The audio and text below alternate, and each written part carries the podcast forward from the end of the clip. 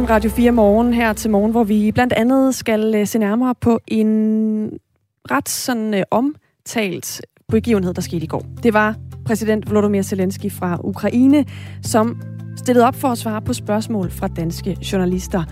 Og dommen over det pressemøde, som det jo var, det er faktisk, at Zelensky virkede presset. Så lyder det i hvert fald fra Jørgen Bøje Nielsen fra Tænketanken Rådet for International Konfliktløsning. Vi kommer til at dykke ned i nogle af de svar, som Zelensky kom med på pressemødet i går. Og så kommer vi også til at høre fra Jørgen Bøje Nielsen, hvad de svar i virkeligheden siger om den situation, Zelensky er i i øjeblikket. Apropos Ukraine, så er mange af de mennesker, der jo på ulykkelig vis har været nødt til at flygte til Danmark, sværere at få ind på arbejdsmarkedet, end man troede i første omgang, eller håbede måske. Den helt store barriere handler om sproget.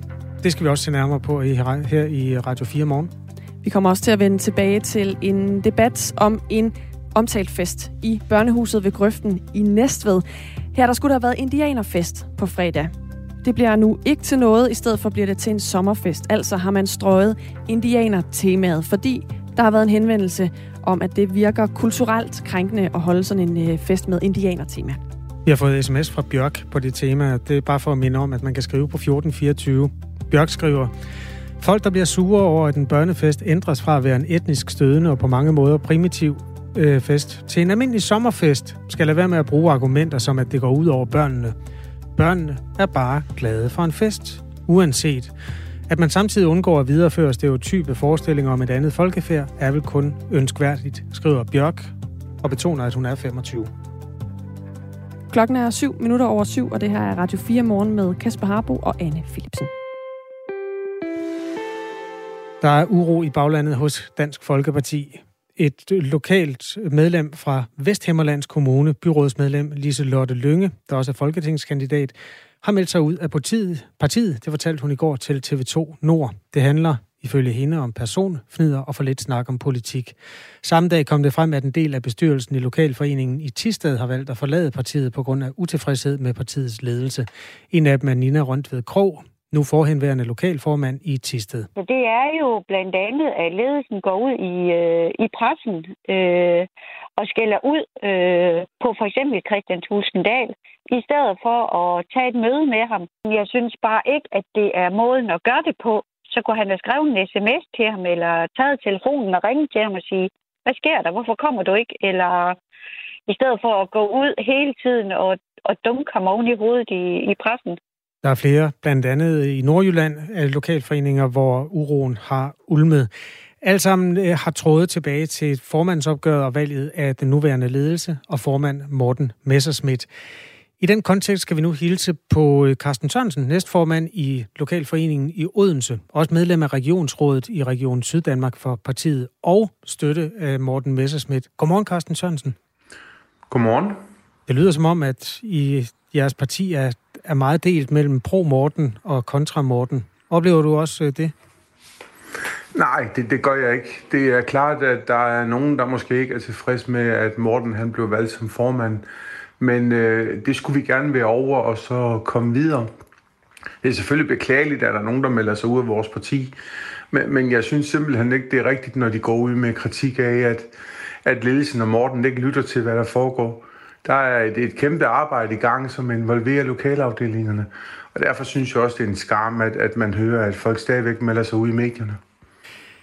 Det, som blandt andet blev udtrykt fra den nordjyske lokalformand, som vi talte med lidt tidligere, var jo, at øh, man har ikke set ham på de kanter, selvom han sagde, at han skulle hele vejen rundt. Og der bliver ikke svaret, når man ringer, øh, og den slags. Altså, det, nu er det jo en tre måneder, han har været formand, eller mere end da.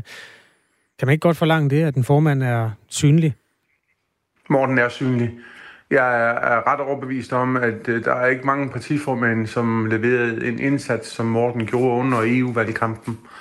Og jeg tror, så, så tror jeg, du misforstår min, øh, min, min... Jeg brugte nok også det forkerte ord, men altså det, som de nordjyske, blandt andet fra Tisted, siger, det er, at de har simpelthen ikke kunnet få svar på noget som helst. Der bliver ikke øh, ringet tilbage, og de har heller ikke set øh, Morten Messersmith, siden han blev valgt.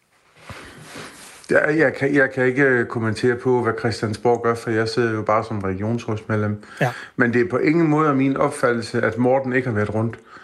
Han har været i Region Syddanmark i hvert fald 5-6 gange, i, både før og efter han er blevet valgt som formand. Og jeg synes, at, at vi skal fokusere på, at, hvad det hedder, at han rent faktisk gør et godt stykke arbejde, for det gør han. Og det er han også blevet anerkendt for, også i forbindelse med valgkampen. Jeg synes, det er vigtigt, at vi hvad det hedder, lige øh, trækker vejret lidt og har lidt koldt vand i blodet, fordi det er jo en ordentlig opgave at overtage et parti, som har været meget i medierne. Og, og jeg kunne aldrig nogensinde finde på at kritisere ham, fordi at jeg synes, han gør et godt stykke arbejde. Carsten Sørensen er altså øh, Morten Messerschmidt støtte og øh, næstformand i Lokalforeningen i Odense og medlem af Regionsrådet i Region Syddanmark. Dansk Folkeparti har tidligere været et parti, hvor man, altså udefra brugt man ordet topstyring. Jeg ved ikke, om det er lidt et bandeord, eller om du også synes, det er fint nok. Men i hvert fald et parti, hvor der var godt øh, orden i gelederne. Hvad er det, der er sket? Det, det, ved jeg faktisk, det ved jeg ikke for at være helt ærlig, men, men, men der er i alle politiske partier, er der jo en eller anden form for topstyring. Og som udgangspunkt synes jeg faktisk ikke, det er et bandord. Fordi det er jo folk på Christiansborg, der ligesom sætter retningen for, hvad det er, Dansk Folkeparti de skal. Og det synes jeg også fortsat, det skal være. Men det er da beklageligt, at vi har de her udfordringer med folk, der melder sig ud. Kunne du godt lide det? Altså nu ved jeg ikke, hvor længe du har været med i partiet egentlig. Jeg har været med siden 2014. Okay. Og jeg kunne aldrig nogensinde finde på at melde mig ud på baggrund af det, vi oplever lige nu. Tværtimod, så øh, gælder det om, at vi nu står sammen og arbejder med at få lavet de her ting, som Morten har sat i søen med nye partiprogrammer og med en ny struktur i Dansk Folkeparti, hvor man jo lytter mere til lokalforeningerne ved at få øh, 10 repræsentanter ind i hovedbestyrelsen, hvis det kan lade sig gøre. Så, så øh, jeg synes rent faktisk, at der er sat et rigtig stort arbejde i gang, som gør, at folk lige skulle trække vejret, inden de melder sig ud. Alene det, at der var kampvalg, fortæller jo, at det var et parti med flere fløje i sig, og det har den sidste tid jo også åbenbaret. Øhm, nogen har sagt om den nuværende ledelsesstil, at den var umoderne. Øh, Liselotte Blikst har sagt, hun havde ondt i maven, og hun sov dårligt. Karina Adspøl har sagt, hun, ja, og det samme, hvis symptom ondt i maven og gå på arbejde. Vi talte også med Nina Røntved Krog, som sov dårligt på grund af personangreb. Det, at folk har været utilpasse ved at være i partiet, hvad tænker du om det? Jamen, det er jo heldigt, men man kan sige, at da Morten kom til, der tog han jo fat i arbejdstilsynet og fik dem til at, at hjælpe med at kigge på arbejdsvilkår. Det var ikke noget, man blev tvunget til, det var noget, man gjorde, fordi man havde en, en interesse i, at sådan noget ikke foregår. Det er klart, at man skal have et godt samarbejde, og det skal man også ude i lokalafdelingerne. Men, men det bliver der jo arbejdet på, øh, de udfordringer, der har været. For der er ikke nogen tvivl om, at vi har haft udfordringer i Dansk Folkeparti. Hvad skal der til nu? Jamen, der skal det til, som er i gang lige nu, at man kommer ud og rundt og snakker med folk. Man inddrager lokalafdelingerne mere.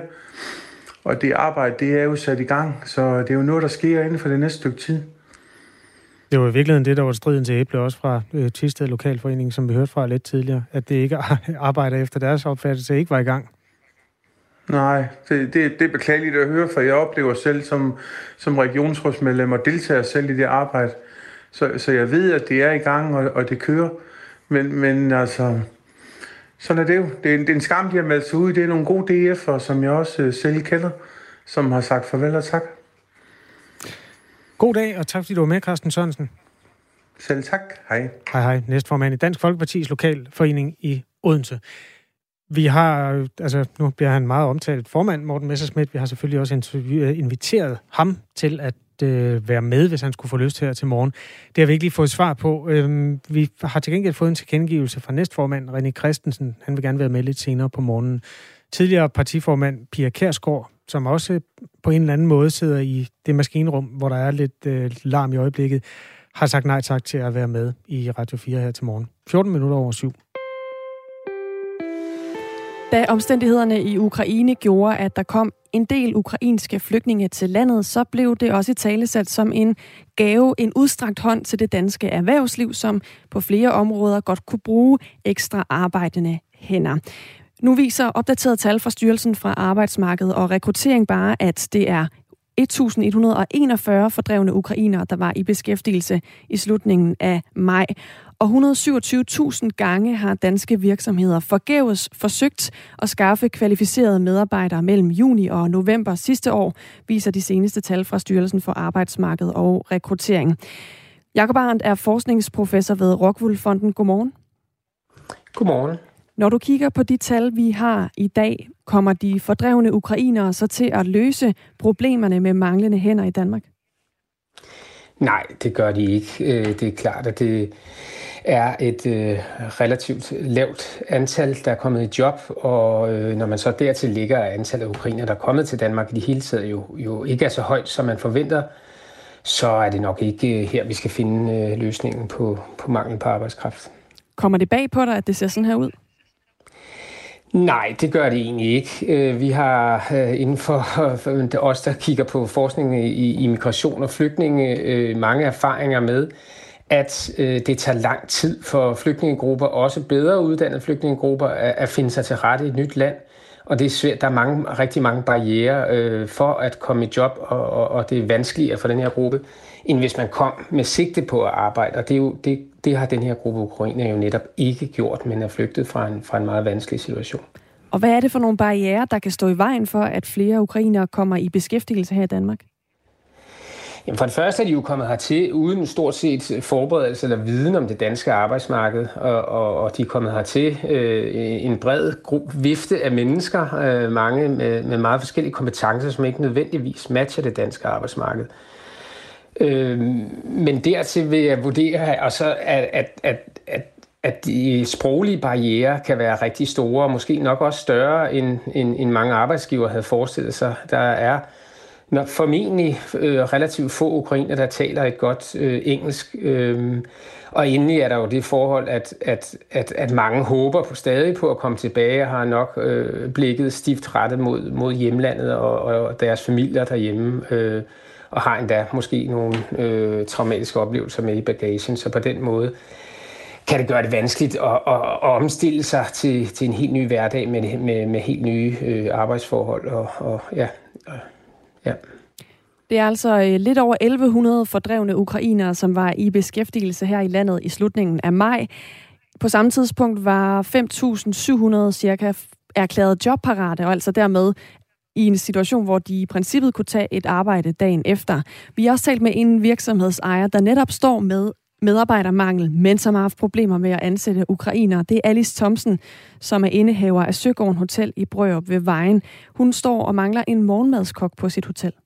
Deres sprogkundskaber øh, er simpelthen for dårlige. Øh, jeg forventer ikke, de kan, kan dansk, men, øh, men engelsk øh, havde jeg faktisk forventet, at de var meget bedre til. Øh, vi har haft nogle øh, ansøgere inde, og øh, jamen, øh, de har ikke øh, kunne øh, svare på simple spørgsmål øh, om dem selv og hvad deres uddannelse er osv. Øh, det har de simpelthen ikke, de har ikke forstået mig. Øh, og det er væsentligt for vores virksomhed, som er en servicevirksomhed, at øh, kommunikationen, øh, den skal være i orden. Øh, kan vi ikke være sikre på, at de har forstået, hvad vi siger, jamen så går det ud over servicen. Jakob Arndt, vi hører altså her fra et af, de, øh, et en af de steder, hvor man gerne vil tage ukrainer ind, men så hører vi netop, at den her sprogbarriere står i vejen. Det er jo også noget, der kan tage tid at lære et nyt sprog, så hvis man har lidt tålmodighed og venter på, at de ukrainer, der er kommet til landet, øh, får chancen for at lære dansk, er der så en gevinst i sigte for, for de danske virksomheder? Ja, det, det kan da godt sagtens være. Det er jo udgangspunktet en, en gruppe, som er bedre uddannet og mere vant til at være på arbejdsmarkedet, især øh, i forhold til andre kvindelige flygtninge. Det er jo primært kvinder. Så, så, så det er egentlig en, en gruppe, der er sådan rimelig godt rustet sammenlignet med tidligere grupper af flygtninge. Men, men, men de sproglige barriere er bare, øh, er bare store, og det tager tid. Øh, altså normalt for, for, for lignende flygtningegrupper. Øh, kan det, øh, kan det tage en, en, en 3-4 år at bare nå op på en 30-40 procent i, i, i arbejde. Så det, det er ikke sådan lige om hjørnet, at, at, at, at størstedelen af de ukrainere kommer i job. Det vil jeg ikke tro. Der er næsten 22.000 fordrevne ukrainere, som ifølge de seneste tal har fået en opholdstilladelse efter særloven, og over halvdelen af dem er i den arbejdsdygtige alder 16 til 66 år, så de er jo øh, derude i landet. Kort her til sidst, Jacob Arndt. Udover selvfølgelig at have tålmodighed og vente på, at sprogbarrieren bliver mindre, hvad er det så for nogle ting, man kan skrue på for at få flere ukrainer i arbejde? Jamen, øh, noget af det, som øh, øh, arbejdsmarkedets parter har, har lagt op til, er, øh, at at forsøge at, at hurtigst muligt øh, lave nogle kompetenceafklaringer, netop fordi det er sådan en bred gruppe af ukrainer, der kommer hertil, at få et overblik over, at, øh, hvilke kompetencer de kommer med, og så forsøge at lave så godt som muligt jobmatch. Det, det, skal, det skal de øh, arbejdsgiverne have, have, have hjælp til øh, for at lave det jobmatch, og det, det mit indtryk, at det er i gang mange steder. Men ellers tror jeg, at man bliver nødt til at se, hvis ukrainerne bliver her i lidt længere tid, og, øh, at, at, at se på det med de sproglige barriere. At kommunerne fik mulighed for at udskyde start af, af sproguddannelser, men det tror jeg roligt, man kan forsøge at sætte i, i værk, og eventuelt i, i form af nogle, nogle engelskkurser, hvis, hvis man ikke mener, at dansk er det, er det rette i første omgang. Men det er nogle af de ting, man, man kan skrue på. Du skal tak, fordi du var med her, Jakob Arndt, altså forskningsprofessor ved Rockwool Fonden. SMS fra et af de mennesker, der har erfaringer på det her felt, skriver, om det er Siri, der burde informere ukrainerne om, hvordan man kommer ind på det danske arbejdsmarked. De har ikke en eneste pjæse om emnet. Vi kender adskillige gifte par, dansk skråstrej udlænding, altså dansk udenlandsk gift par, uden for EU, som flygter ud af Danmark, fordi det er håbløst at få et liv her. Vi forældre sidder og sukker og troede, det var en international verden, vi levede i. Og det er vel at mærke højt uddannet, vi kender til, skriver Hanne. Kantan skriver, hvad havde Danmark forestillet sig, at man kan lære et af verdens sværeste sprog på 0,5, bare fordi de er europæere? Der er også en, der spørger til, hvad, altså, hvorfor enlige kvinder, og hvorfor, hvad med de enlige mænd? Sagen er jo den, at øh, mændene fik simpelthen ikke lov at forlade Ukraine, da der blev mobiliseret efter den russiske invasion. Det er derfor, det er kvinder i stort set alle sammen. 7.22 er klokken. Man kan skrive til Radio 4 morgen på 1424. På fredag skulle der have været indianerfest i børnehuset ved Grøften i Næstved. Men det bliver ikke til noget. Eller jo, festen gør, men det er en anden slags fest, fordi børnehuset har modtaget en henvendelse om, at indianertemaet kan virke kulturelt krænkende. Det skriver man i en besked til institutionens forældregruppe. Og den sag har vagt stor debat. Øh, nu er festen så blevet omkalfatret til en sommerfest, og det går nok en dag. Men værdidebatten, den er ikke død endnu. Et øh, byrådsmedlem i Næstved Kommune fra Nye Borgerlige vil have sagen op i øh, kommunens børne- og uddannelsesudvalg. Og det er dig, Kasper Schneider, der vil have den op. Godmorgen. Godmorgen. Ja, det er korrekt. Det vil jeg gerne. Hvorfor? Jeg vil gerne have, at vi får en, en debat om, hvilke retningslinjer der skal være i kommunen, eller om der skal være retningslinjer i det hele taget. Men øh, i hvert fald øh, en, en fornuftig debat om, hvad der er passende inde i sådan nogle sager her. Hvad har du imod, at man ændrer et indianer-tema til et sommerfest-tema? Jamen, som, som udgangspunkt har jeg slet ikke noget imod det. Det, jeg har noget imod, det er, at, øh, at en enkelt eller meget få sætter rammen for rigtig mange. Øhm, og hele det her, jeg ved godt, jeg støder nogen ved at sige det, men det hele det her krænkelsesparathed, det synes jeg, det tager simpelthen overhånd, og, og man presser nogle meget, nogle meget store holdninger og værdier ned på nogle børn, som bare skal have lov at lege. Altså det er børn på 4-5 år, vi snakker om her, der skulle have været klædt ud som indianer. Det, det synes jeg simpelthen er for meget, man går ind og, ser, og, og begynder at sætte øh, og, og stanse sådan noget, fordi der er en enkelt, der henvender sig. Jeg vil godt gå forrest og sige, at øh, jeg har som barn øh, været med til at lege indianer på et tidspunkt, med far for at blive kastet i havnen. Og øh, dengang, der var det noget med, at vi løb rundt og, og hylede meget, sådan med, med hånden foran. Øh, sådan meget øh, primitivt, faktisk, men også lidt krigerisk. Det var vores opfattelse af indianere, og jeg har ikke indtryk af, at det sådan er lavet væsentligt om. Det er sådan, man leger indianer. Er, er det holdbart i, i en tid, hvor hvad skal man sige, globaliseringen gør, at vi kan møde en indianer på gaden i morgen, altså en af indiansk oprindelse, en sydamerikaner, eller hvad det nu kan være? Jamen, det, du, du, du siger det faktisk rigtig godt her. Hvordan vi selv har leget, jamen det er det, vi fører videre. Men her der har man også som institution så en kæmpe god mulighed for faktisk at invitere interessenter ind, der, jeg mener, det hedder Dansk Indianers øh, Råd, eller noget, det må du ikke lige hænge mig op på. Men hvorfor ikke kombinere de ting her, så man både får noget, noget kultur, noget vejledning og noget uddannelse inden for, for den, det område, og samtidig stadigvæk får lov at være indianer. Så kan vi jo stille og roligt begynde at ændre den måde, man leger på, så det passer med de kulturer og de, de historiske ting, der er. Men simpelthen at fratage dem muligheden for det, det synes jeg er, er langt over, over grænsen. Hvad, og det næste, hvad, så må jeg ikke klæde mig ud som Superman, fordi at det, jeg ikke er Superman, eller jeg må ikke være øh, det ved jeg ikke, blikkenslager, fordi at jeg ikke er blikkenslager eller noget. Jeg synes, det er en farlig vej, vi bevæger os ned i, hvor vi, hvor vi simpelthen fratager muligheden for at få lov at lege og udleve øh, de her, lad os kalde det, fantasier eller kreative rum. Jeg tror, hvis der var et menneske fra Dansk Indianerråd, var det ikke det, du kaldte det, med, så ville vedkommende ja, nok sige, at... Op, om det, det Nej, det. fair nok. Ja. De vil nok sige, at Superman ikke er en etnisk gruppe, øh, som kan sidestilles med indianere. Nej, det, og det er fuldstændig rigtigt, men det børnene laver her, det er jo leg. Det er jo, det er jo ikke en, en direkte en-til-en overførelse af det kulturelle og historiske korrekte billede. Det er simpelthen leg, de har gang i. Så lad dem lege, og samtidig med rette dem ind, eller hjælpe dem til, hvordan var indianerne, hvordan fungerede det her, og fortæl dem lidt om det her. Der er masser af muligheder for at få sparring og råd og vejledning, men jeg tror simpelthen, vi, vi, vi som, jeg tror, vi som politikere skal være med til at prøve at holde det inden for normen, inden for rammen, ved at hjælpe vores ledere til at navigere det her minefelt, fordi det er svært. Det er øh, en, en globaliseringstid, vi lever i. Det vil sige, uanset hvad vi gør, så vil der næsten altid være nogen, der kan være krænket. Men det må altså ikke fraholde os fra at, at blive ved med at lade børn være børn. Der er noget, der hedder Dansk Indiansk Forening. Det er et netværk for folk med interesse for nordamerikanske... Ja, det, ja. Er det den, du mener? Ja, det, jeg tror, det var den, ja. Ja, super. øhm, vi taler med Kasper Schneider, byrådsmedlem i Næstved Kommune, valgt for Nye Borgerlige. Og det med klangbund i en, det, der nu er en sommerfest, skulle have været en indianerfest, men temaet blev ændret efter henvendelse fra en, som ikke ønskede, at man holdt en kulturkrænkende fest i den her daginstitution, og det er jo så det, daginstitutionen melder ud til de andre forældre. I skal ikke klæde jeres børn ud som indianer alligevel. Kulturel appropriation var et af de ord, der blev brugt, og det dækker over situationer, hvor medlemmer af en kultur tilegner sig elementer fra en anden kultur. Og det bliver især brugt i den sammenhæng, hvor nogen kan føle, at andre bliver krænket, eller at de selv bliver det. Vi har selvfølgelig også rækket ud til ledelsen i børnehuset ved Grøften i Næstved, men de øh, lader andre om at føre ordet i denne her sag. Det er derfor, vi blandt andet taler med Kasper Schneider. Du vil tage det op i børne- og uddannelsesudvalget. Men må børnehuset, altså institutionen her, egentlig ikke selv bestemme, hvilket tema de har? Jo, det må de i allerhøjeste grad, og det skal de endelig bare blive ved med. Men derfor synes jeg stadigvæk, at vi som politikere skal være med til at sætte rammen for, for hvordan vores offentlige institutioner skal drives.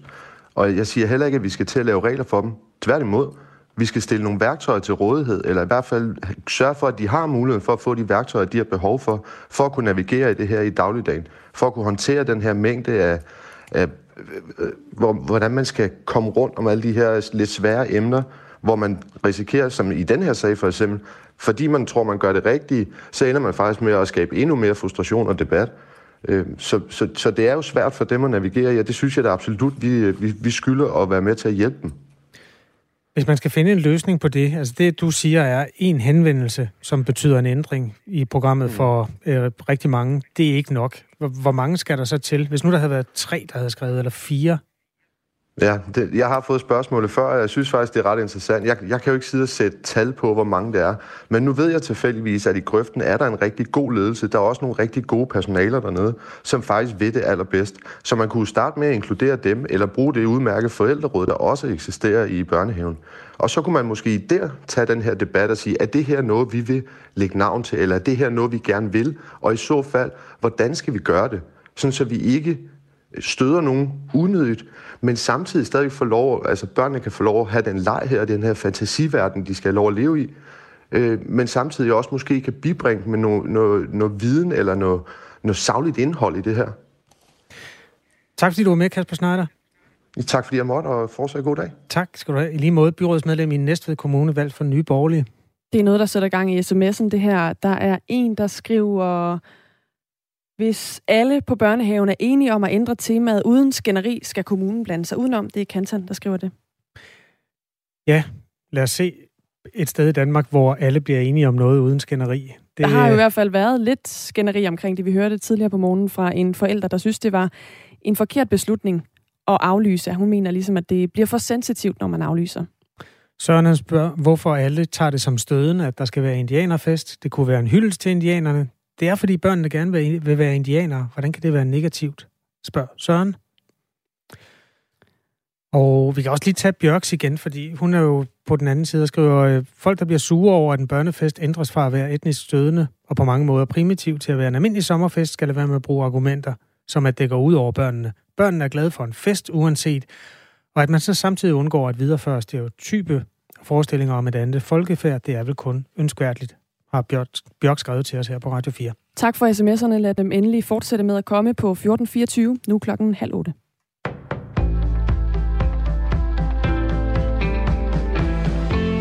Vestlige lande bør sende flere tunge våben til Ukraine, så ukrainerne kan kæmpe mod den russiske offensiv i den østlige del af landet. Det sagde NATO's generalsekretær Jens Stoltenberg i aftes. Stoltenberg fortæller videre, at NATO-lande og andre er i gang med at optrappe leveringerne. Because they absolutely depend on that to be able to uh, stand up against a brutal uh, Russian invasion. De er fuldstændig afhængige af det for at kunne stå imod den brutale russiske invasion, siger generalsekretæren. Den hollandske premierminister Mark Rutte og statsminister Mette Frederiksen var i går værter ved en arbejdsmiddag i Haag for NATO-landene Belgien, Letland, Polen, Portugal og Rumænien. De syv NATO-lande står alle bag et ønske om et styrket fælles NATO-budget. Det er årligt på 18 milliarder kroner. Danmark betaler 280 millioner. Mette Frederiksen er klar til at øge bidraget, sagde hun i går i Haag. We are ready to deliver what it takes, both when it comes to uh, NATO's military posture and increased common funding. Selvom gårdsdagens fly til Rwanda blev aflyst, ved den britiske regering klø på for at gennemføre en plan om at sende asylansøgere til et modtagscenter i det afrikanske land. Det siger indrigsminister Priti Patel til Sky News. Vi vil ikke lade os afskrække fra at gøre det rigtige og levere på vores planer om at kontrollere vores grænser, siger hun. Hun siger også, at mange af dem, som blev taget af flyet, kommer til at være ombord på det næste. I 11. time betød en række indsigelser fra den europæiske menneskerettighedsdomstol, at ingen af asylansøgerne lovligt kunne flyves til Rwanda, og afgangen blev aflyst. Verdenssundhedsorganisationen vil give abekopper et nyt navn for at undgå diskrimination, det oplyser WHO, skriver BBC. Meldingen kommer efter, at flere end 30 forskere i sidste uge i en fælles udtalelse skrev, at der er et presserende behov for at finde et nyt navn til viruset og den sygdom, der det forårsager, som hverken er diskriminerende eller stigmatiserende. Ifølge forskerne er det både upræcist og diskriminerende at fortsætte med at henvise til abekopper som værende afrikansk. De foreslår, at man i stedet kalder virussygdommen HMPXV. Forsikringsselskaber foreslår en digital kode til cykler, der skal gøre det nemmere at opdage tyveri. Tyverierne er et voksende problem for selskaberne, fordi 20. går efter de mest kostbare cykler, oplyser brancheorganisationen F&P. Derfor bør cykler udstyres med en digital kode, så alle med en smartphone og en app kan tjekke, om en cykel til salg er stjålet, siger direktør i F&P, Kent Damskov. Det vil sige, at det bliver stort set umuligt for 20. at videresælge stjålne cykler, for ingen vil købe dem, for man kan med det samme se, at det er en øh, stjålen cykel. Men ideen bliver ikke gennemført forløbigt. Justitsminister, Justitsministeriet oplyser, at der i politiaftalen ikke er ressourcer til at undersøge en ordning. Danmark topper for første gang en global liste i konkurrenceevne. Sidste år lå Danmark på en tredje plads, men rykker nu foran USA og Singapore. Det viser den årlige udgivelse fra den svejsiske Handelshøjskole Institute for Management Development.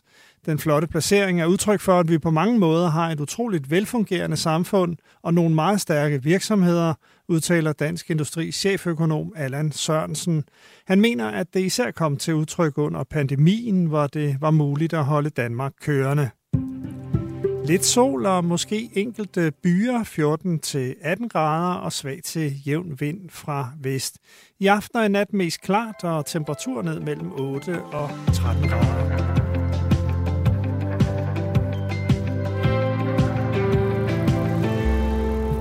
Klokken er 7.34. Velkommen til Radio 4 på denne 15. juni. lige midt i den lyseste måned af dem alle sammen. Der bliver lysere og lysere nu tid nu, og så går vi imod mørke dage igen. Det er Anne Philipsen. Ah, undskyld. Undskyld, det er Valdemarsdag også jo. Hele mænd, ja. ja. Dannebro faldt ned. Slaget i, næst, øh, i, næste, i Estland. det kommer vi faktisk tilbage til. Øhm, jeg kan spå allerede nu, at det kommer til at indgå i fødselsdagskvisten. Uh. Nyhedsstrømmen i dag er domineret af nyheder om økonomien, der går også lidt mod mørkere tider. Aktiemarkedet er på vej ned, renten er på vej op. Det kommer vi til at belyse lidt senere på morgenen. Og øhm, ja, så kigger vi også nærmere på Dansk Folkeparti, der oplever en vælgertilslutning, der også går mere nedad end opad i øjeblikket. Øh, om cirka 10 minutter skal vi en tur til Rwanda. I virkeligheden skulle vi have været dernede for at følge op på et fly, som burde være landet, men flyet kom aldrig til at lette. Eller måske lettede det, men der var i hvert fald ikke de mennesker med, man havde formodet. Den britiske regerings plan om at lave et asylmodtagecenter på afrikansk jord er indtil videre kulsejlet. En menneskerettighedsorganisation øh, har fået stukket en kæp i det hjul. Det kaster vi også lys i her i Radio 4 Morgen, som er befolket af Anne Philipsen, Kasper Arbo. Ukraines præsident Volodymyr Zelensky svarede i går på spørgsmål fra den danske presse. Det gjorde han ved et digitalt pressemøde, som Berlingske Medier havde arrangeret. Og der var flere af spørgsmålene, der handlede om muligheden for fredsforhandlinger mellem Rusland og Ukraine. Og dem skal vi se nærmere på nu sammen med dig, Jørgen Bøje Nielsen. Godmorgen. Godmorgen. Næstforperson i Tænketanken Rådet for International Konfliktløsning. Du beskæftiger dig jo så, som titlen også antyder, med international konfliktløsning og også med sikkerheds- og udenrigspolitik. Først og fremmest skal vi lige have slået fast, hvorfor bruger Volodymyr Zelensky tid på at svare på spørgsmål fra den danske presse. Han har jo rimelig meget set se i sit eget land. Det er fordi, at øh, Danmark er et, et vigtigt land i EU. Vi er meget aktive, øh, har en stærke øh, statsminister og, og så videre. Og øh, Zelensky, han øh, vil have flere våben, han vil have flere penge, og så vil han ind i EU. Og især det sidste, øh, han vil ind i EU, øh, der har Danmark øh, sat nogle spørgsmålstegn om, om, om det kan gå så hurtigt, som han vil. Og, og, og det er også en af grundene til, at han er her. At, at han gerne vil øh, hurtigt ind i EU. Der er en lille smule uden lyd på dig, Jørgen Bøje Nielsen. Jeg ved ikke, om du lige kan prøve at øh, lige sådan svinge telefonen over hovedet, eller et eller andet, måske nærme dig et vindue. Så hører vi lige en lille bid fra et ja. af de spørgsmål, der kom på pressemødet i går. Det var fra Ritzau, der spurgte, hvad der skal til, før Ukraine vil forhandle fred med Rusland. Og svaret på det fra Zelensky lød sådan her. There has to be the preparedness of Russia to negotiate, the preparedness of Russia to deoccupy our territories, i think this is the first. Før fredsforhandlingerne kan gå i gang, så skal Rusland ifølge Zelensky her være klar til at forhandle og klar til at forlade Ukraines territorium. For præsidenten mener ikke, at man kan forhandle, når Rusland fortsætter med at sende missiler ind over Ukraine. Den slags opførsel passer til en stat, der forsøger at gennemtvinge sine krav, og dem kan ukrainerne ikke forhandle med, lød det altså som svar på det her spørgsmål fra Zelensky. Jørgen Bøj Nielsen, hvis Rusland tilbød forhandlinger, uden at trække sig ud af Ukraine, ville Zelensky så virkelig ikke være klar til at forhandle? Jo, det vil han. Det er, han, han bliver nødt til at sige øh, det, han siger. Øh, det er sådan, i øjeblikket er øh, Ukraine nede på knæerne. Det er sådan, de sender 400 soldater ind i krigen hver eneste dag. Og hver eneste dag bliver 70 procent af de der 400 øh, øh, øh, dræbt, det vil sige cirka 200. Øh, og øh, det er rigtig, rigtig mange. Og øh, faktisk har, har jeg hørt fra en kilde, jeg talte med i går fra Ukraine, at øh, Zelensky han underdriver øh, de, øh, øh, hvad hedder det, de, de store mandetal, øh, de, de har øh, på, på, dræbt, på dræbte. Så Øh, jeg er ikke i tvivl om, at hvis Rusland kommer og sagde, at vi vil øh, forhandlinger, så vil øh, Ukraine være der. For, fordi de har det rigtig, rigtig svært i øjeblikket. Meget, meget sværere end, end, end medierne de, de giver udtryk for. Øh, men, men hvad er det, de venter på, øh, ukrainerne? Jo, de, de, de venter på at få nogle missilsystemer øh, fra USA og England, som, øh, som man mener vil, vil, vil kunne, kunne svække øh, russerne. Og så er der jo så det længere perspektiv, altså når man på et eller andet tidspunkt måske når til et sted, hvor der er fred. Der spurgte TV2 på det her pressemøde i går, om præsident Zelensky tror på, at en længerevarende fred med Rusland egentlig er muligt. Ja, det, øh, det tror jeg, det er. Jeg tror, det vil være en sådan træthed efter den her øh, krig. Øh, det er det efter øh, alle store krige. Og øh, så øh, siger man til sig selv øh, aldrig mere øh, igen. Men, men Vesten bliver også nødt til at, at gå ind og så på en eller anden måde få en samarbejdsrelation med, med Rusland. Og Vesten har noget at handle med. De har rigtig meget at handle med, fordi øh, vi har meget stærke øh, øh, sanktioner mod, mod, mod Rusland. Og øh, dem, dem kan man sige til Rusland, hvad, øh, hvis I gør sådan og sådan, så, så, så letter vi de her øh, sanktioner. Øh, jeg tror bare ikke, det, det vil ske, øh, hvad hedder det, den næste dag efter en fred. Det, det vil tage et års tid, før det, før det virkelig kommer i gang. Fordi følelserne, især i Vesten, de, de er så stærke, at, at øh, jeg, jeg tror ikke, at befolkningerne de, de, de, de vil øh, acceptere, at man lige går ind og, og, og forhandler en fred. Men det vil komme efter et års tid. Og, og, og jeg er ikke bange for, at, at, at, at Rusland begynder at angribe igen. De vil være meget, meget svækkede øh, efter det her. Jyllandsposten stillede også et spørgsmål til et interview, som en af Zelenskis rådgivere har givet til New York Times. Her der spekulerer rådgiveren i, om Vesten bevidst leverer våbne langsomt til Ukraine for at få Rusland og Ukraine til at forhandle i virkeligheden, altså trække dem til forhandlingsbordet. Og der vil Jyllandspostens reporter gerne vide, om Zelensky deler sin rådgivers synspunkt. Vi får lige et klip her, hvor øh, vi hører svaret fra Zelensky. Honestly speaking, I'm not in the in the time um, and in that moment where I could discuss the words that were... Og det er jo selvfølgelig oversætteren, vi hører her, men under det ligger altså Zelenskis øh, stemme. Han øh, svarede på ukrainsk ved pressemødet i går. Han siger, at han ønsker ikke, altså Zelensky, at kommentere på sin rådgivers udtalelser eller gå ind i detaljer om vestens våbenleverancer til Ukraine. Han er taknemmelig for de våben, der kommer, men det skal altså ifølge præsidenten gå hurtigere, hvis de skal forhindre Rusland fra at invadere andre europæiske lande. Og så sluttede Zelensky med at sige, at han først vil diskutere kineserne, når krigen er slut, og Ukraine har vundet. Så han vil jo altså ikke kommentere på den her udtalelse fra hans øh, ellers øh, nære og rådgiver, som havde sagt det her med, at der kunne blive spekuleret i at levere våben langsomt til landet for at, at trække parterne til forhandlingsbordet. Hvad er det for nogle hensyn, Zelensky skal tage i balancen her i sit svar, Jørgen Bøje Nielsen? Det er klart, han, han skal passe lidt på, at, at, at det stadigvæk øh, kommer, kommer våben til, til, øh, til hans land.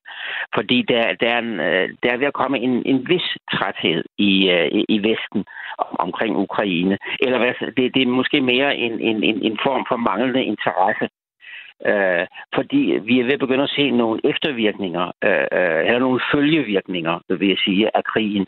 Det vil sige øh, en, en meget høj øh, inflation, 7,4 procent i Danmark, øh, højere øh, rente og, og, og, og i det hele taget økonomisk krise, sult i Afrika osv. Alt det der, det, det øh, påvirker øh, situationen. Jeg tror ikke, på den der øh, øh, idé med, at, at Vesten bevidst prøver at, at holde våben tilbage. Det tror jeg altså ikke. Fordi hvis det virkelig kom frem, så vil det øh, blive kritiseret rigtig, rigtig meget af, af befolkningerne, som er meget pro-ukrainske. Så den, det, det, det er sådan over i konspirationsteorierne. Jeg, jeg tror, Vesten gør, gør det, de kan men, men det går langsomt med, med, med store våbensystemer. Øh, de, de skal øh, sendes derover. Der er nogle folk, der, der, der skal øh, trænes i, i at bruge det. Øh, og bare det at, at sende alle disse dele øh, gennem hele Ukraine med tog og så videre, der kan bombes øh, fra luften, det er ikke nogen let øh, opgave. Så det tager tid. Sådan lød analysen fra Jørgen Bøje Nielsen, som altså er næst forperson i Tænketanken Rådet for International Konfliktløsning. Klokken er 7.44. Det her er Radio 4 morgen. Nu fik vi sagt, at alting går nedad i øjeblikket. Der er faktisk noget, der vokser. Det gør et, et sort hul, som australske forskere har fundet. Ja. Og du har også faldet over den, kan jeg så den også lige i morges. Øhm, så sindssygt. Øh, astronomerne har fundet det hurtigst voksende sorte hul, der har eksisteret i 9 milliarder år. Ja. Og 9 milliarder år, det er simpelthen så længe, så du ikke forstår det. Det er utrolig lang tid. Man kan sige, at hvis der har været mennesker i 1 million år, så er det sorte hul, altså rekorden, svarende til 9.000 gange den øh, periode, der har været mennesker. Ja. Og også øh, endda før dinosaurerne. Øh, hvert eneste sekund opsluger det her sorte hul masse svarende til cirka vores jordklode. Det, det er den store sorte mund, der sluger alt, hvad der er i nærheden. Det ligger heldigvis langt pokker i vold, så det, vi skal ikke være bange. Lige præcis den her historie er den historie, det er langt du, du ikke skal være bange ja, for. Ja, præcis. Det, jeg læste også, det havde en, altså det sorte hul i sig selv har en masse svarende til 3 millioner sole. Ja. Det er jo en spændende måleenhed. Jamen jeg er faktisk, øh, jeg vil godt lige korrigere dig, fordi Nå. jeg er inde på det Jamen, jeg har også godt set, det var ja. oversat sådan, men det australske universitet, der har offentliggjort nyheden, siger 12 øh, milliarder sole. Hold, ja, det bliver det jo ikke bedre af.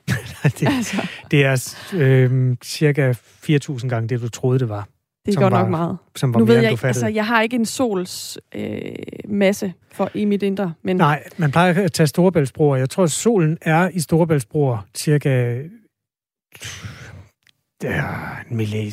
Det, det er et meget, meget stort ja. tal, ja. Så øh, ja. det her, det, og, og det skal du så gange med et meget stort tal, som du heller ikke forstår. Og den gode nyhed er, at du kommer aldrig i nærheden af det sorte hul. Men øh, den, det er jo godt nyhed i astronomiske kredser. Der er en mand, der hedder Christopher Onken, som er forskningsleder på det her australske universitet. Og han siger, astronomer har let efter objekter som dette i mere end 50 år. De har fundet tusindvis af sorte huller, der er svagere, men dette skinner utrolig stærkt og var gået ubemærket hen, siger han. Og hvordan det så skinner, det fremgår ikke lige i artiklen, fordi sorte huller er jo kendt ved, ja. at de opsuger lyset, og i virkeligheden er sorte. Det er der er navnet. Det er en af de få ting, man stadig må kalde sort. Det undrede også mig lidt. Og så øh, så, så jeg også, han kaldte det en meget stor og uventet nål i en høstak. Det er selvfølgelig et oversat øh, billede, men jeg ved ikke, om det er det bedste billede. Altså, fordi det er da det er en meget stor nål. Det er en meget stor nål. Det er, det er, hvad vi ved i øjeblikket. Og hvis der sker mere i sagen, så lover vi at holde dig opdateret i Radio 4 morgen. Klokken er 7.46.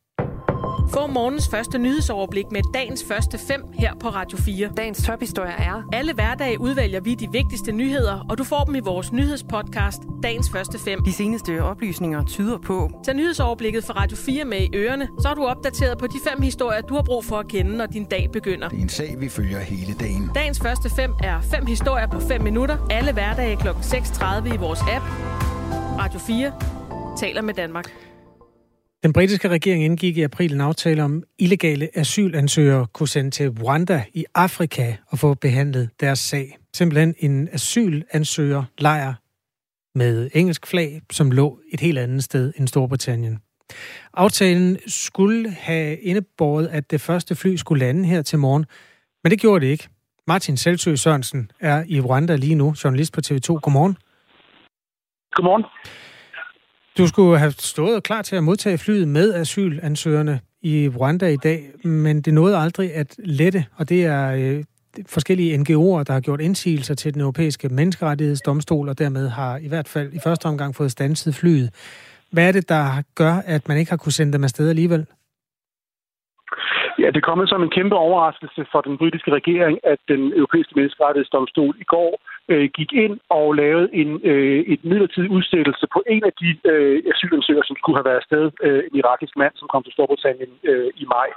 Øh, domstolen siger flere ting øh, i sin afgørelse.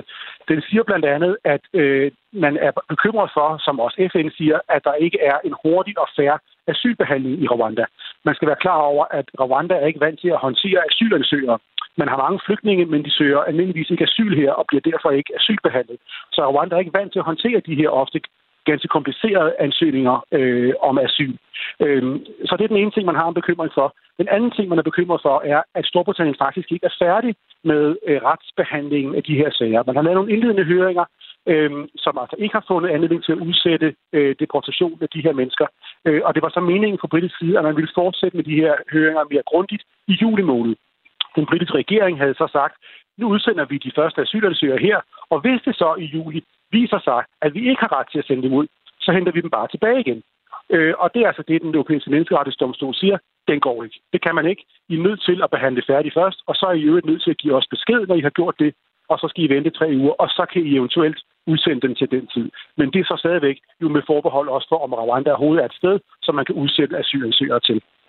Når et fly mellem Storbritannien og Rwanda er interessant, så er det fordi den danske regering har lignende planer. Den socialdemokratiske regering er i forhandling med det rwandiske styre om at kunne lave en tilsvarende ordning, sådan at asylansøgere, som er kommet illegalt ind, vil kunne få deres sag behandlet, mens de venter på afrikansk jord.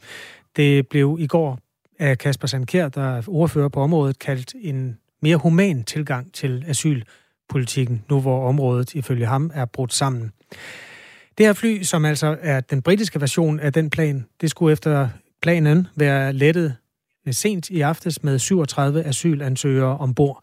Deres sager blev en for en øh, vejet og fundet for let, og antallet øh, faldt fra 37 til under 10, og nu er man altså nået frem til, at der slet ikke var nogen, der kunne sendes afsted.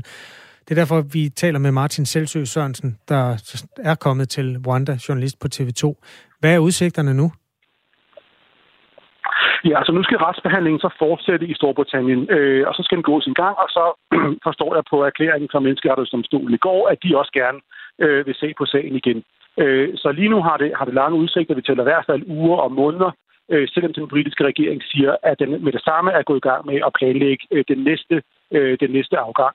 Øh, vi er nødt til at vente og se, hvad der, hvad der kommer ud af det her. Fordi som sagt, så, så virker det som nogle ret alvorlige indsigelser, som Menneskerettighedsdomstolen har. Øh, men de har også kun lavet en forløbig vurdering øh, af de her sager. Men, altså, men i de forløbige materiale fundet så alvorlige øh, problemer, at de følte, at de var nødt til at gå ind i den her, på meget, meget usædvanlig vis, siger de også selv, at gå ind sådan her i 11. time og at forbyde øh, udsendelsen af en mand, som faktisk var kørt ud til lufthavnen og var, og hvis ikke ombord i flyet, så i hvert fald klar til at gå ombord i flyet. Øh, så der venter altså nogle meget spændende slag mellem øh, advokater og dommere her øh, i de kommende uger, måske måneder, før vi ved, om det her overhovedet kan lade sig gøre, både for Storbritanniens og for Danmarks vedkommende. Det spiller altså en rolle i dansk politik, det her. Det kommer det garanteret også til at gøre i England, hvor regeringen med Boris Johnson i spidsen har haft sit at slås med, blandt andet efter dønningerne af coronaen og nogle skandaler på det felt. Øh, hvordan stiller det den britiske regering, det der sker nu? Altså, det er jo et kæmpe slag, at det her ikke lykkes. Øh, man har presset på fra den britiske regering for at få det her til at ske lige præcis i den her uge, fordi Boris Johnson næste uge skal til et øh, Commonwealth-møde her i Kigali i, øh, i Rwanda. Øh, og jeg tror, han havde glædet sig til, at det uh, skulle ligesom, man skulle have, have nået den her vigtige milepæl i øh, asylpolitikken, og han kunne tage herned og sige, øh, se hvor godt det går, vi har taget det her øh, vigtige skridt. Det kommer han altså ikke til, og man må sige, at den, den, den ser ud til at være i alvorlige problemer, den her plan. Når jeg læser øh, britiske medier, så er der også nogen, der siger, øh, at det måske ikke er ren elendighed øh, for, øh, for Boris Johnson, øh, fordi at han kan bruge det her i sin øh, Brexit-argumentation, altså at sige, at øh, se det her, det er den slags bånd, som øh, europæiske institutioner ligger på os. Øh, jeg talte med en, en brite i går, som sagde, hvordan kan menneskerettighedsdomstolen overhovedet gøre det her? Jeg troede, vi ligesom havde stemt os ud af EU, men det er jo fordi, at menneskerettighedsdomstolen og den europæiske menneskerettighedskonvention ikke er et EU-anlæggende. Øh, det er uden for EU. Øh, og der var måske en forståelse, ikke bare hos hende, men også hos andre britter. Det var noget, de havde stemt sig ud af øh, med Brexit. Der er øh, nogen, der taler om i Storbritannien, at måske skulle man også med sig ud af menneskerettighedskonventionen, så, som var helt fri af de her øh, snærende bånd. Og hvis man har de tanker i den britiske regering, så er det klart, så kan man jo godt bruge det her til noget positivt, trods alt. Martin Selsø Sørensen står altså på rwandisk afrikansk jord og øh, rapporterer både om britisk og dansk politik i øjeblikket. Hvad er der egentlig, Martin, øh, i det her for Rwanda? Altså, der er jo øh, nogle indkvarteringssteder, øh, som er gjort klar til det her. Hvad er det, Rwanda har af interesse for at huse vores asylansøgere? Øh, vi var til pressemøde i går med en, en talskvinde for den rwandiske regering, og hun øh, talte meget, meget øh, passioneret om øh, Øh, Rwandas ønske om at hjælpe med at løse et problem. Rwanda er enig med Storbritannien øh, og med Danmark i øvrigt om, at det, den, at det internationale asylsystem er gået i stykker og kræver en reparation. Øh, og de øh, er enige med de to regeringer også i, at det her er en mere færre og human måde at gøre det på, øh, at flytte asylansøgere herned. Så de ser, en, en, en, at Rwanda kan spille en positiv, konstruktiv øh, rolle i det her. Der er også mange Rwanda, vil jeg sige, som, øh, som jeg har talt med, som andre har talt med, øh, som siger, at det her betyder også noget for, for dem personligt, fordi de selv har været flygtninge. De flygtede efter folkedrabet øh, i 90'erne og fik ophold i nabolandene. Nogle rejste til, til Europa og blev taget godt imod og fik lov at være der, indtil Rwanda igen var et sikkert land at være i. Øhm, så for dem er det naturligt, at når så kommer andre banker på hos dem og siger, at vi har brug for beskyttelse, at de så lukker dem ind, uanset hvordan den økonomiske og sociale situation i øvrigt er øh, i Rwanda. Udover, man kan sige, sådan den politiske øh, den, den politiske håndsrækning til Storbritannien og måske på længere sigt Danmark, øh, så er der klart, at der er også nogle penge, der er noget udvikling i det for, øh, for, øh, øh for Rwanda. De får øh, i den britiske aftale, så får de 1 milliard øh, kroner, hvad der svarer til omkring 1 milliard kroner, til både den konkrete indlogering af de her mennesker, som vil være rwandisk ansvar, hvis de kommer herned, øh, og så også til øh, udvikling og opbygning øh, af det rwandiske samfund, så det kommer en bredere kreds øh, til gode. Så, så de ting er der i det, og der er også de, nogle af de tanker, som den danske regering har i forbindelse med en eventuel dansk aftale. Det sagde Martin Selsø Sørensen fra TV2. Tak skal du have. Altså direkte med fra Rwanda, hvor det britiske fly skulle være landet med asylansøgere ombord. Den er altså blevet sparket til Jørgens Bark. 5 minutter i 8 er klokken. Det her er Radio 4 morgen med Anne Philipsen og Kasper Harbo.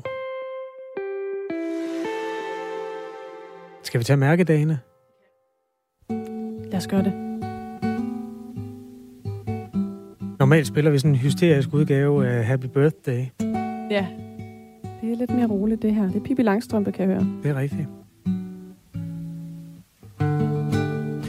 Det er fordi, det var i dag, på denne dato, at øh, den første bog om, øh, om Pippi Langstrømpe kom. Nå. Altså Astrid Lindgrens børnebog. Forlæg for film siden han og alt sådan noget, ikke? Så det er den første mærkedag. Ja. Og jeg synes, det er... Øh, og det er ikke fordi, at jeg har markeret mig som stor feminist nogensinde, for jeg synes egentlig ikke, det er interessant, at hun er pige. Det kan jeg godt se, når jeg ser de store linjer. Det er også interessant. Men det er fandme en god historie. Ja. Hun kan bære en hest. ja, hun har en abe. Og hun sover med fødderne op på puden. Ja. Ja. Hun har træ med slik i. Ja, der er ikke meget, øh, man ikke... Der er meget, man kan bryde sig om i det. Ja, ja. hendes far er, øh, han er øh, sådan regent i et rige. Ja. Et varmt land. Nå, øh, og det er bare en af fem mærkedage, som du skal lægge i nummer over den her. Mm-hmm. Det er også øh, Valdemars dag, ved du nok. Det var på denne dag, under et øh, slag ved Lundanisse i øh, Estland, at Dannebro faldt ned fra himlen. Mm. Øh, og angiveligt vendte krigslykken. Ja. Og vi fik vort flag, ikke mindst. Ja, det er det vigtigste. Ja. Det var også nogle korstog, nogle nordiske korstog. Vi skulle ud og kristne nogle mennesker. Og sådan ja. Det er en anden historie. Ja. Det er også en mærkedag. Øh, Michael Laudrup på fødselsdag. Nå. Poul Nyrup på fødselsdag. Hold da op. Og øh, Sønderjylland er blevet genforenet med Danmark på denne dato også. Yes. Og det er virkelig sådan nogen, du bør kunne i dag, vil jeg sige, for der er langt imellem dem. Tak, fordi du øh, lægger det pres på mig. Velkommen. Ud i offentligheden. Jeg starter med at sige Valdemarsdag. Du mener simpelthen, Valdemarsdag er den ældste? Det er også rigtigt. Nej, ja, ja, undskyld, ja. ja. Jamen, jeg bliver da helt... Jamen, det var 1219, det var så du rigtig, er på rimelig sikker Hans grund. Bilgaard i Hvem er millionær, det der. Jeg er helt sikker på det. Ja, jeg er helt sikker. Ja, det var 1200 et eller andet, var det ikke? Var det det, du sagde? 1219, ja. Ja. Så Dannebro er jo som øh, nationalflag... Uh, det er gammelt. Øh, 903 år. Ja. Så siger jeg, at Sønderjylland bliver genforenet. Det er også rigtigt. Ja, 1920. Ja, det er ja, godt. det er jo ikke så længe siden, der var jubilæum for det. Nej. 100 års øh, jubilæum. Øhm, Så har du tre tilbage, du skal vælge mellem. Det er altså Ja. Pippis øh, fødselsdag, så at sige. Den første bog, der blev udgivet på denne dato. Så var der også øh, på en ny Rup Rasmussen. Den kan måske godt drille lidt, de her to, hva'? Jeg er lidt i tvivl om det med Pippi. Ja, og så er der Michael Laudrup. Mm. Jeg tror altså, at Paul Nyrup er yngre end Pippi. Paul Nyrup er ældre end Pippi. Ældre, som jeg sagde. Ja, lige præcis. Ja, det, jeg forstår godt. Ej, det var lidt svært, synes Den jeg. er Nu faktisk fik du lige, De øh, ligger rigtig- meget tæt på hinanden. Ja, nu, synes, nu må vi lige. Nå, så siger jeg Pippi. Ja, og det er rigtigt. Fordi Poul Nyrup Rasmussen, øh, tidligere socialdemokrat, eller stadig nuværende socialdemokrat, men tidligere statsminister for Socialdemokratiet, han fylder 79. Hvorimod Pippi kun fylder, nu taler man ikke om en damesalder, men 77. Ej, så var det da tæt. Ja, det var enormt tæt, Godt. faktisk. Michael Laudrup. Ja, hvor er gammel den bliver han? Hvad bliver han? Det tør jeg ikke at sige. 58. Højt. 58? Ja. Og det var faktisk ikke... Jeg havde sagt 54, hvis jeg skulle have sagt noget. Det kan jeg jo altid sige nu. Ja, ja, det er ja, ja, præcis det, er det, du kan. at sige. Nå, men Pippi Langstrømpe er sådan set den vigtigste af dem på en eller anden måde. Også fordi, at ud af det voksede jo en tv-serie. Ja. Og til den blev der lavet en melodi Mm. af Jan Johansson, svensk jazzpianist. Og det er bare et dejligt stykke musik, synes jeg. Helt vildt. Og det her, det er optaget... Han, han døde i en bilulykke, øh, desværre, i 68, men fem år senere. Altså, han har bare virkelig dannet skole. Der er sådan et al- album, der hedder Jazz på svenska. Ja, legendarisk. Ja.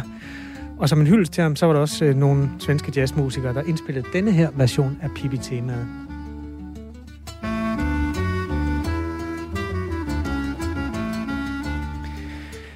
Så øh, tillykke til hende, og tillykke til alle, der fødselsdag på den her øh, solskins juni-dag. Også tillykke til sønderjyderne i øvrigt. Vi er glade for at have jer i landet.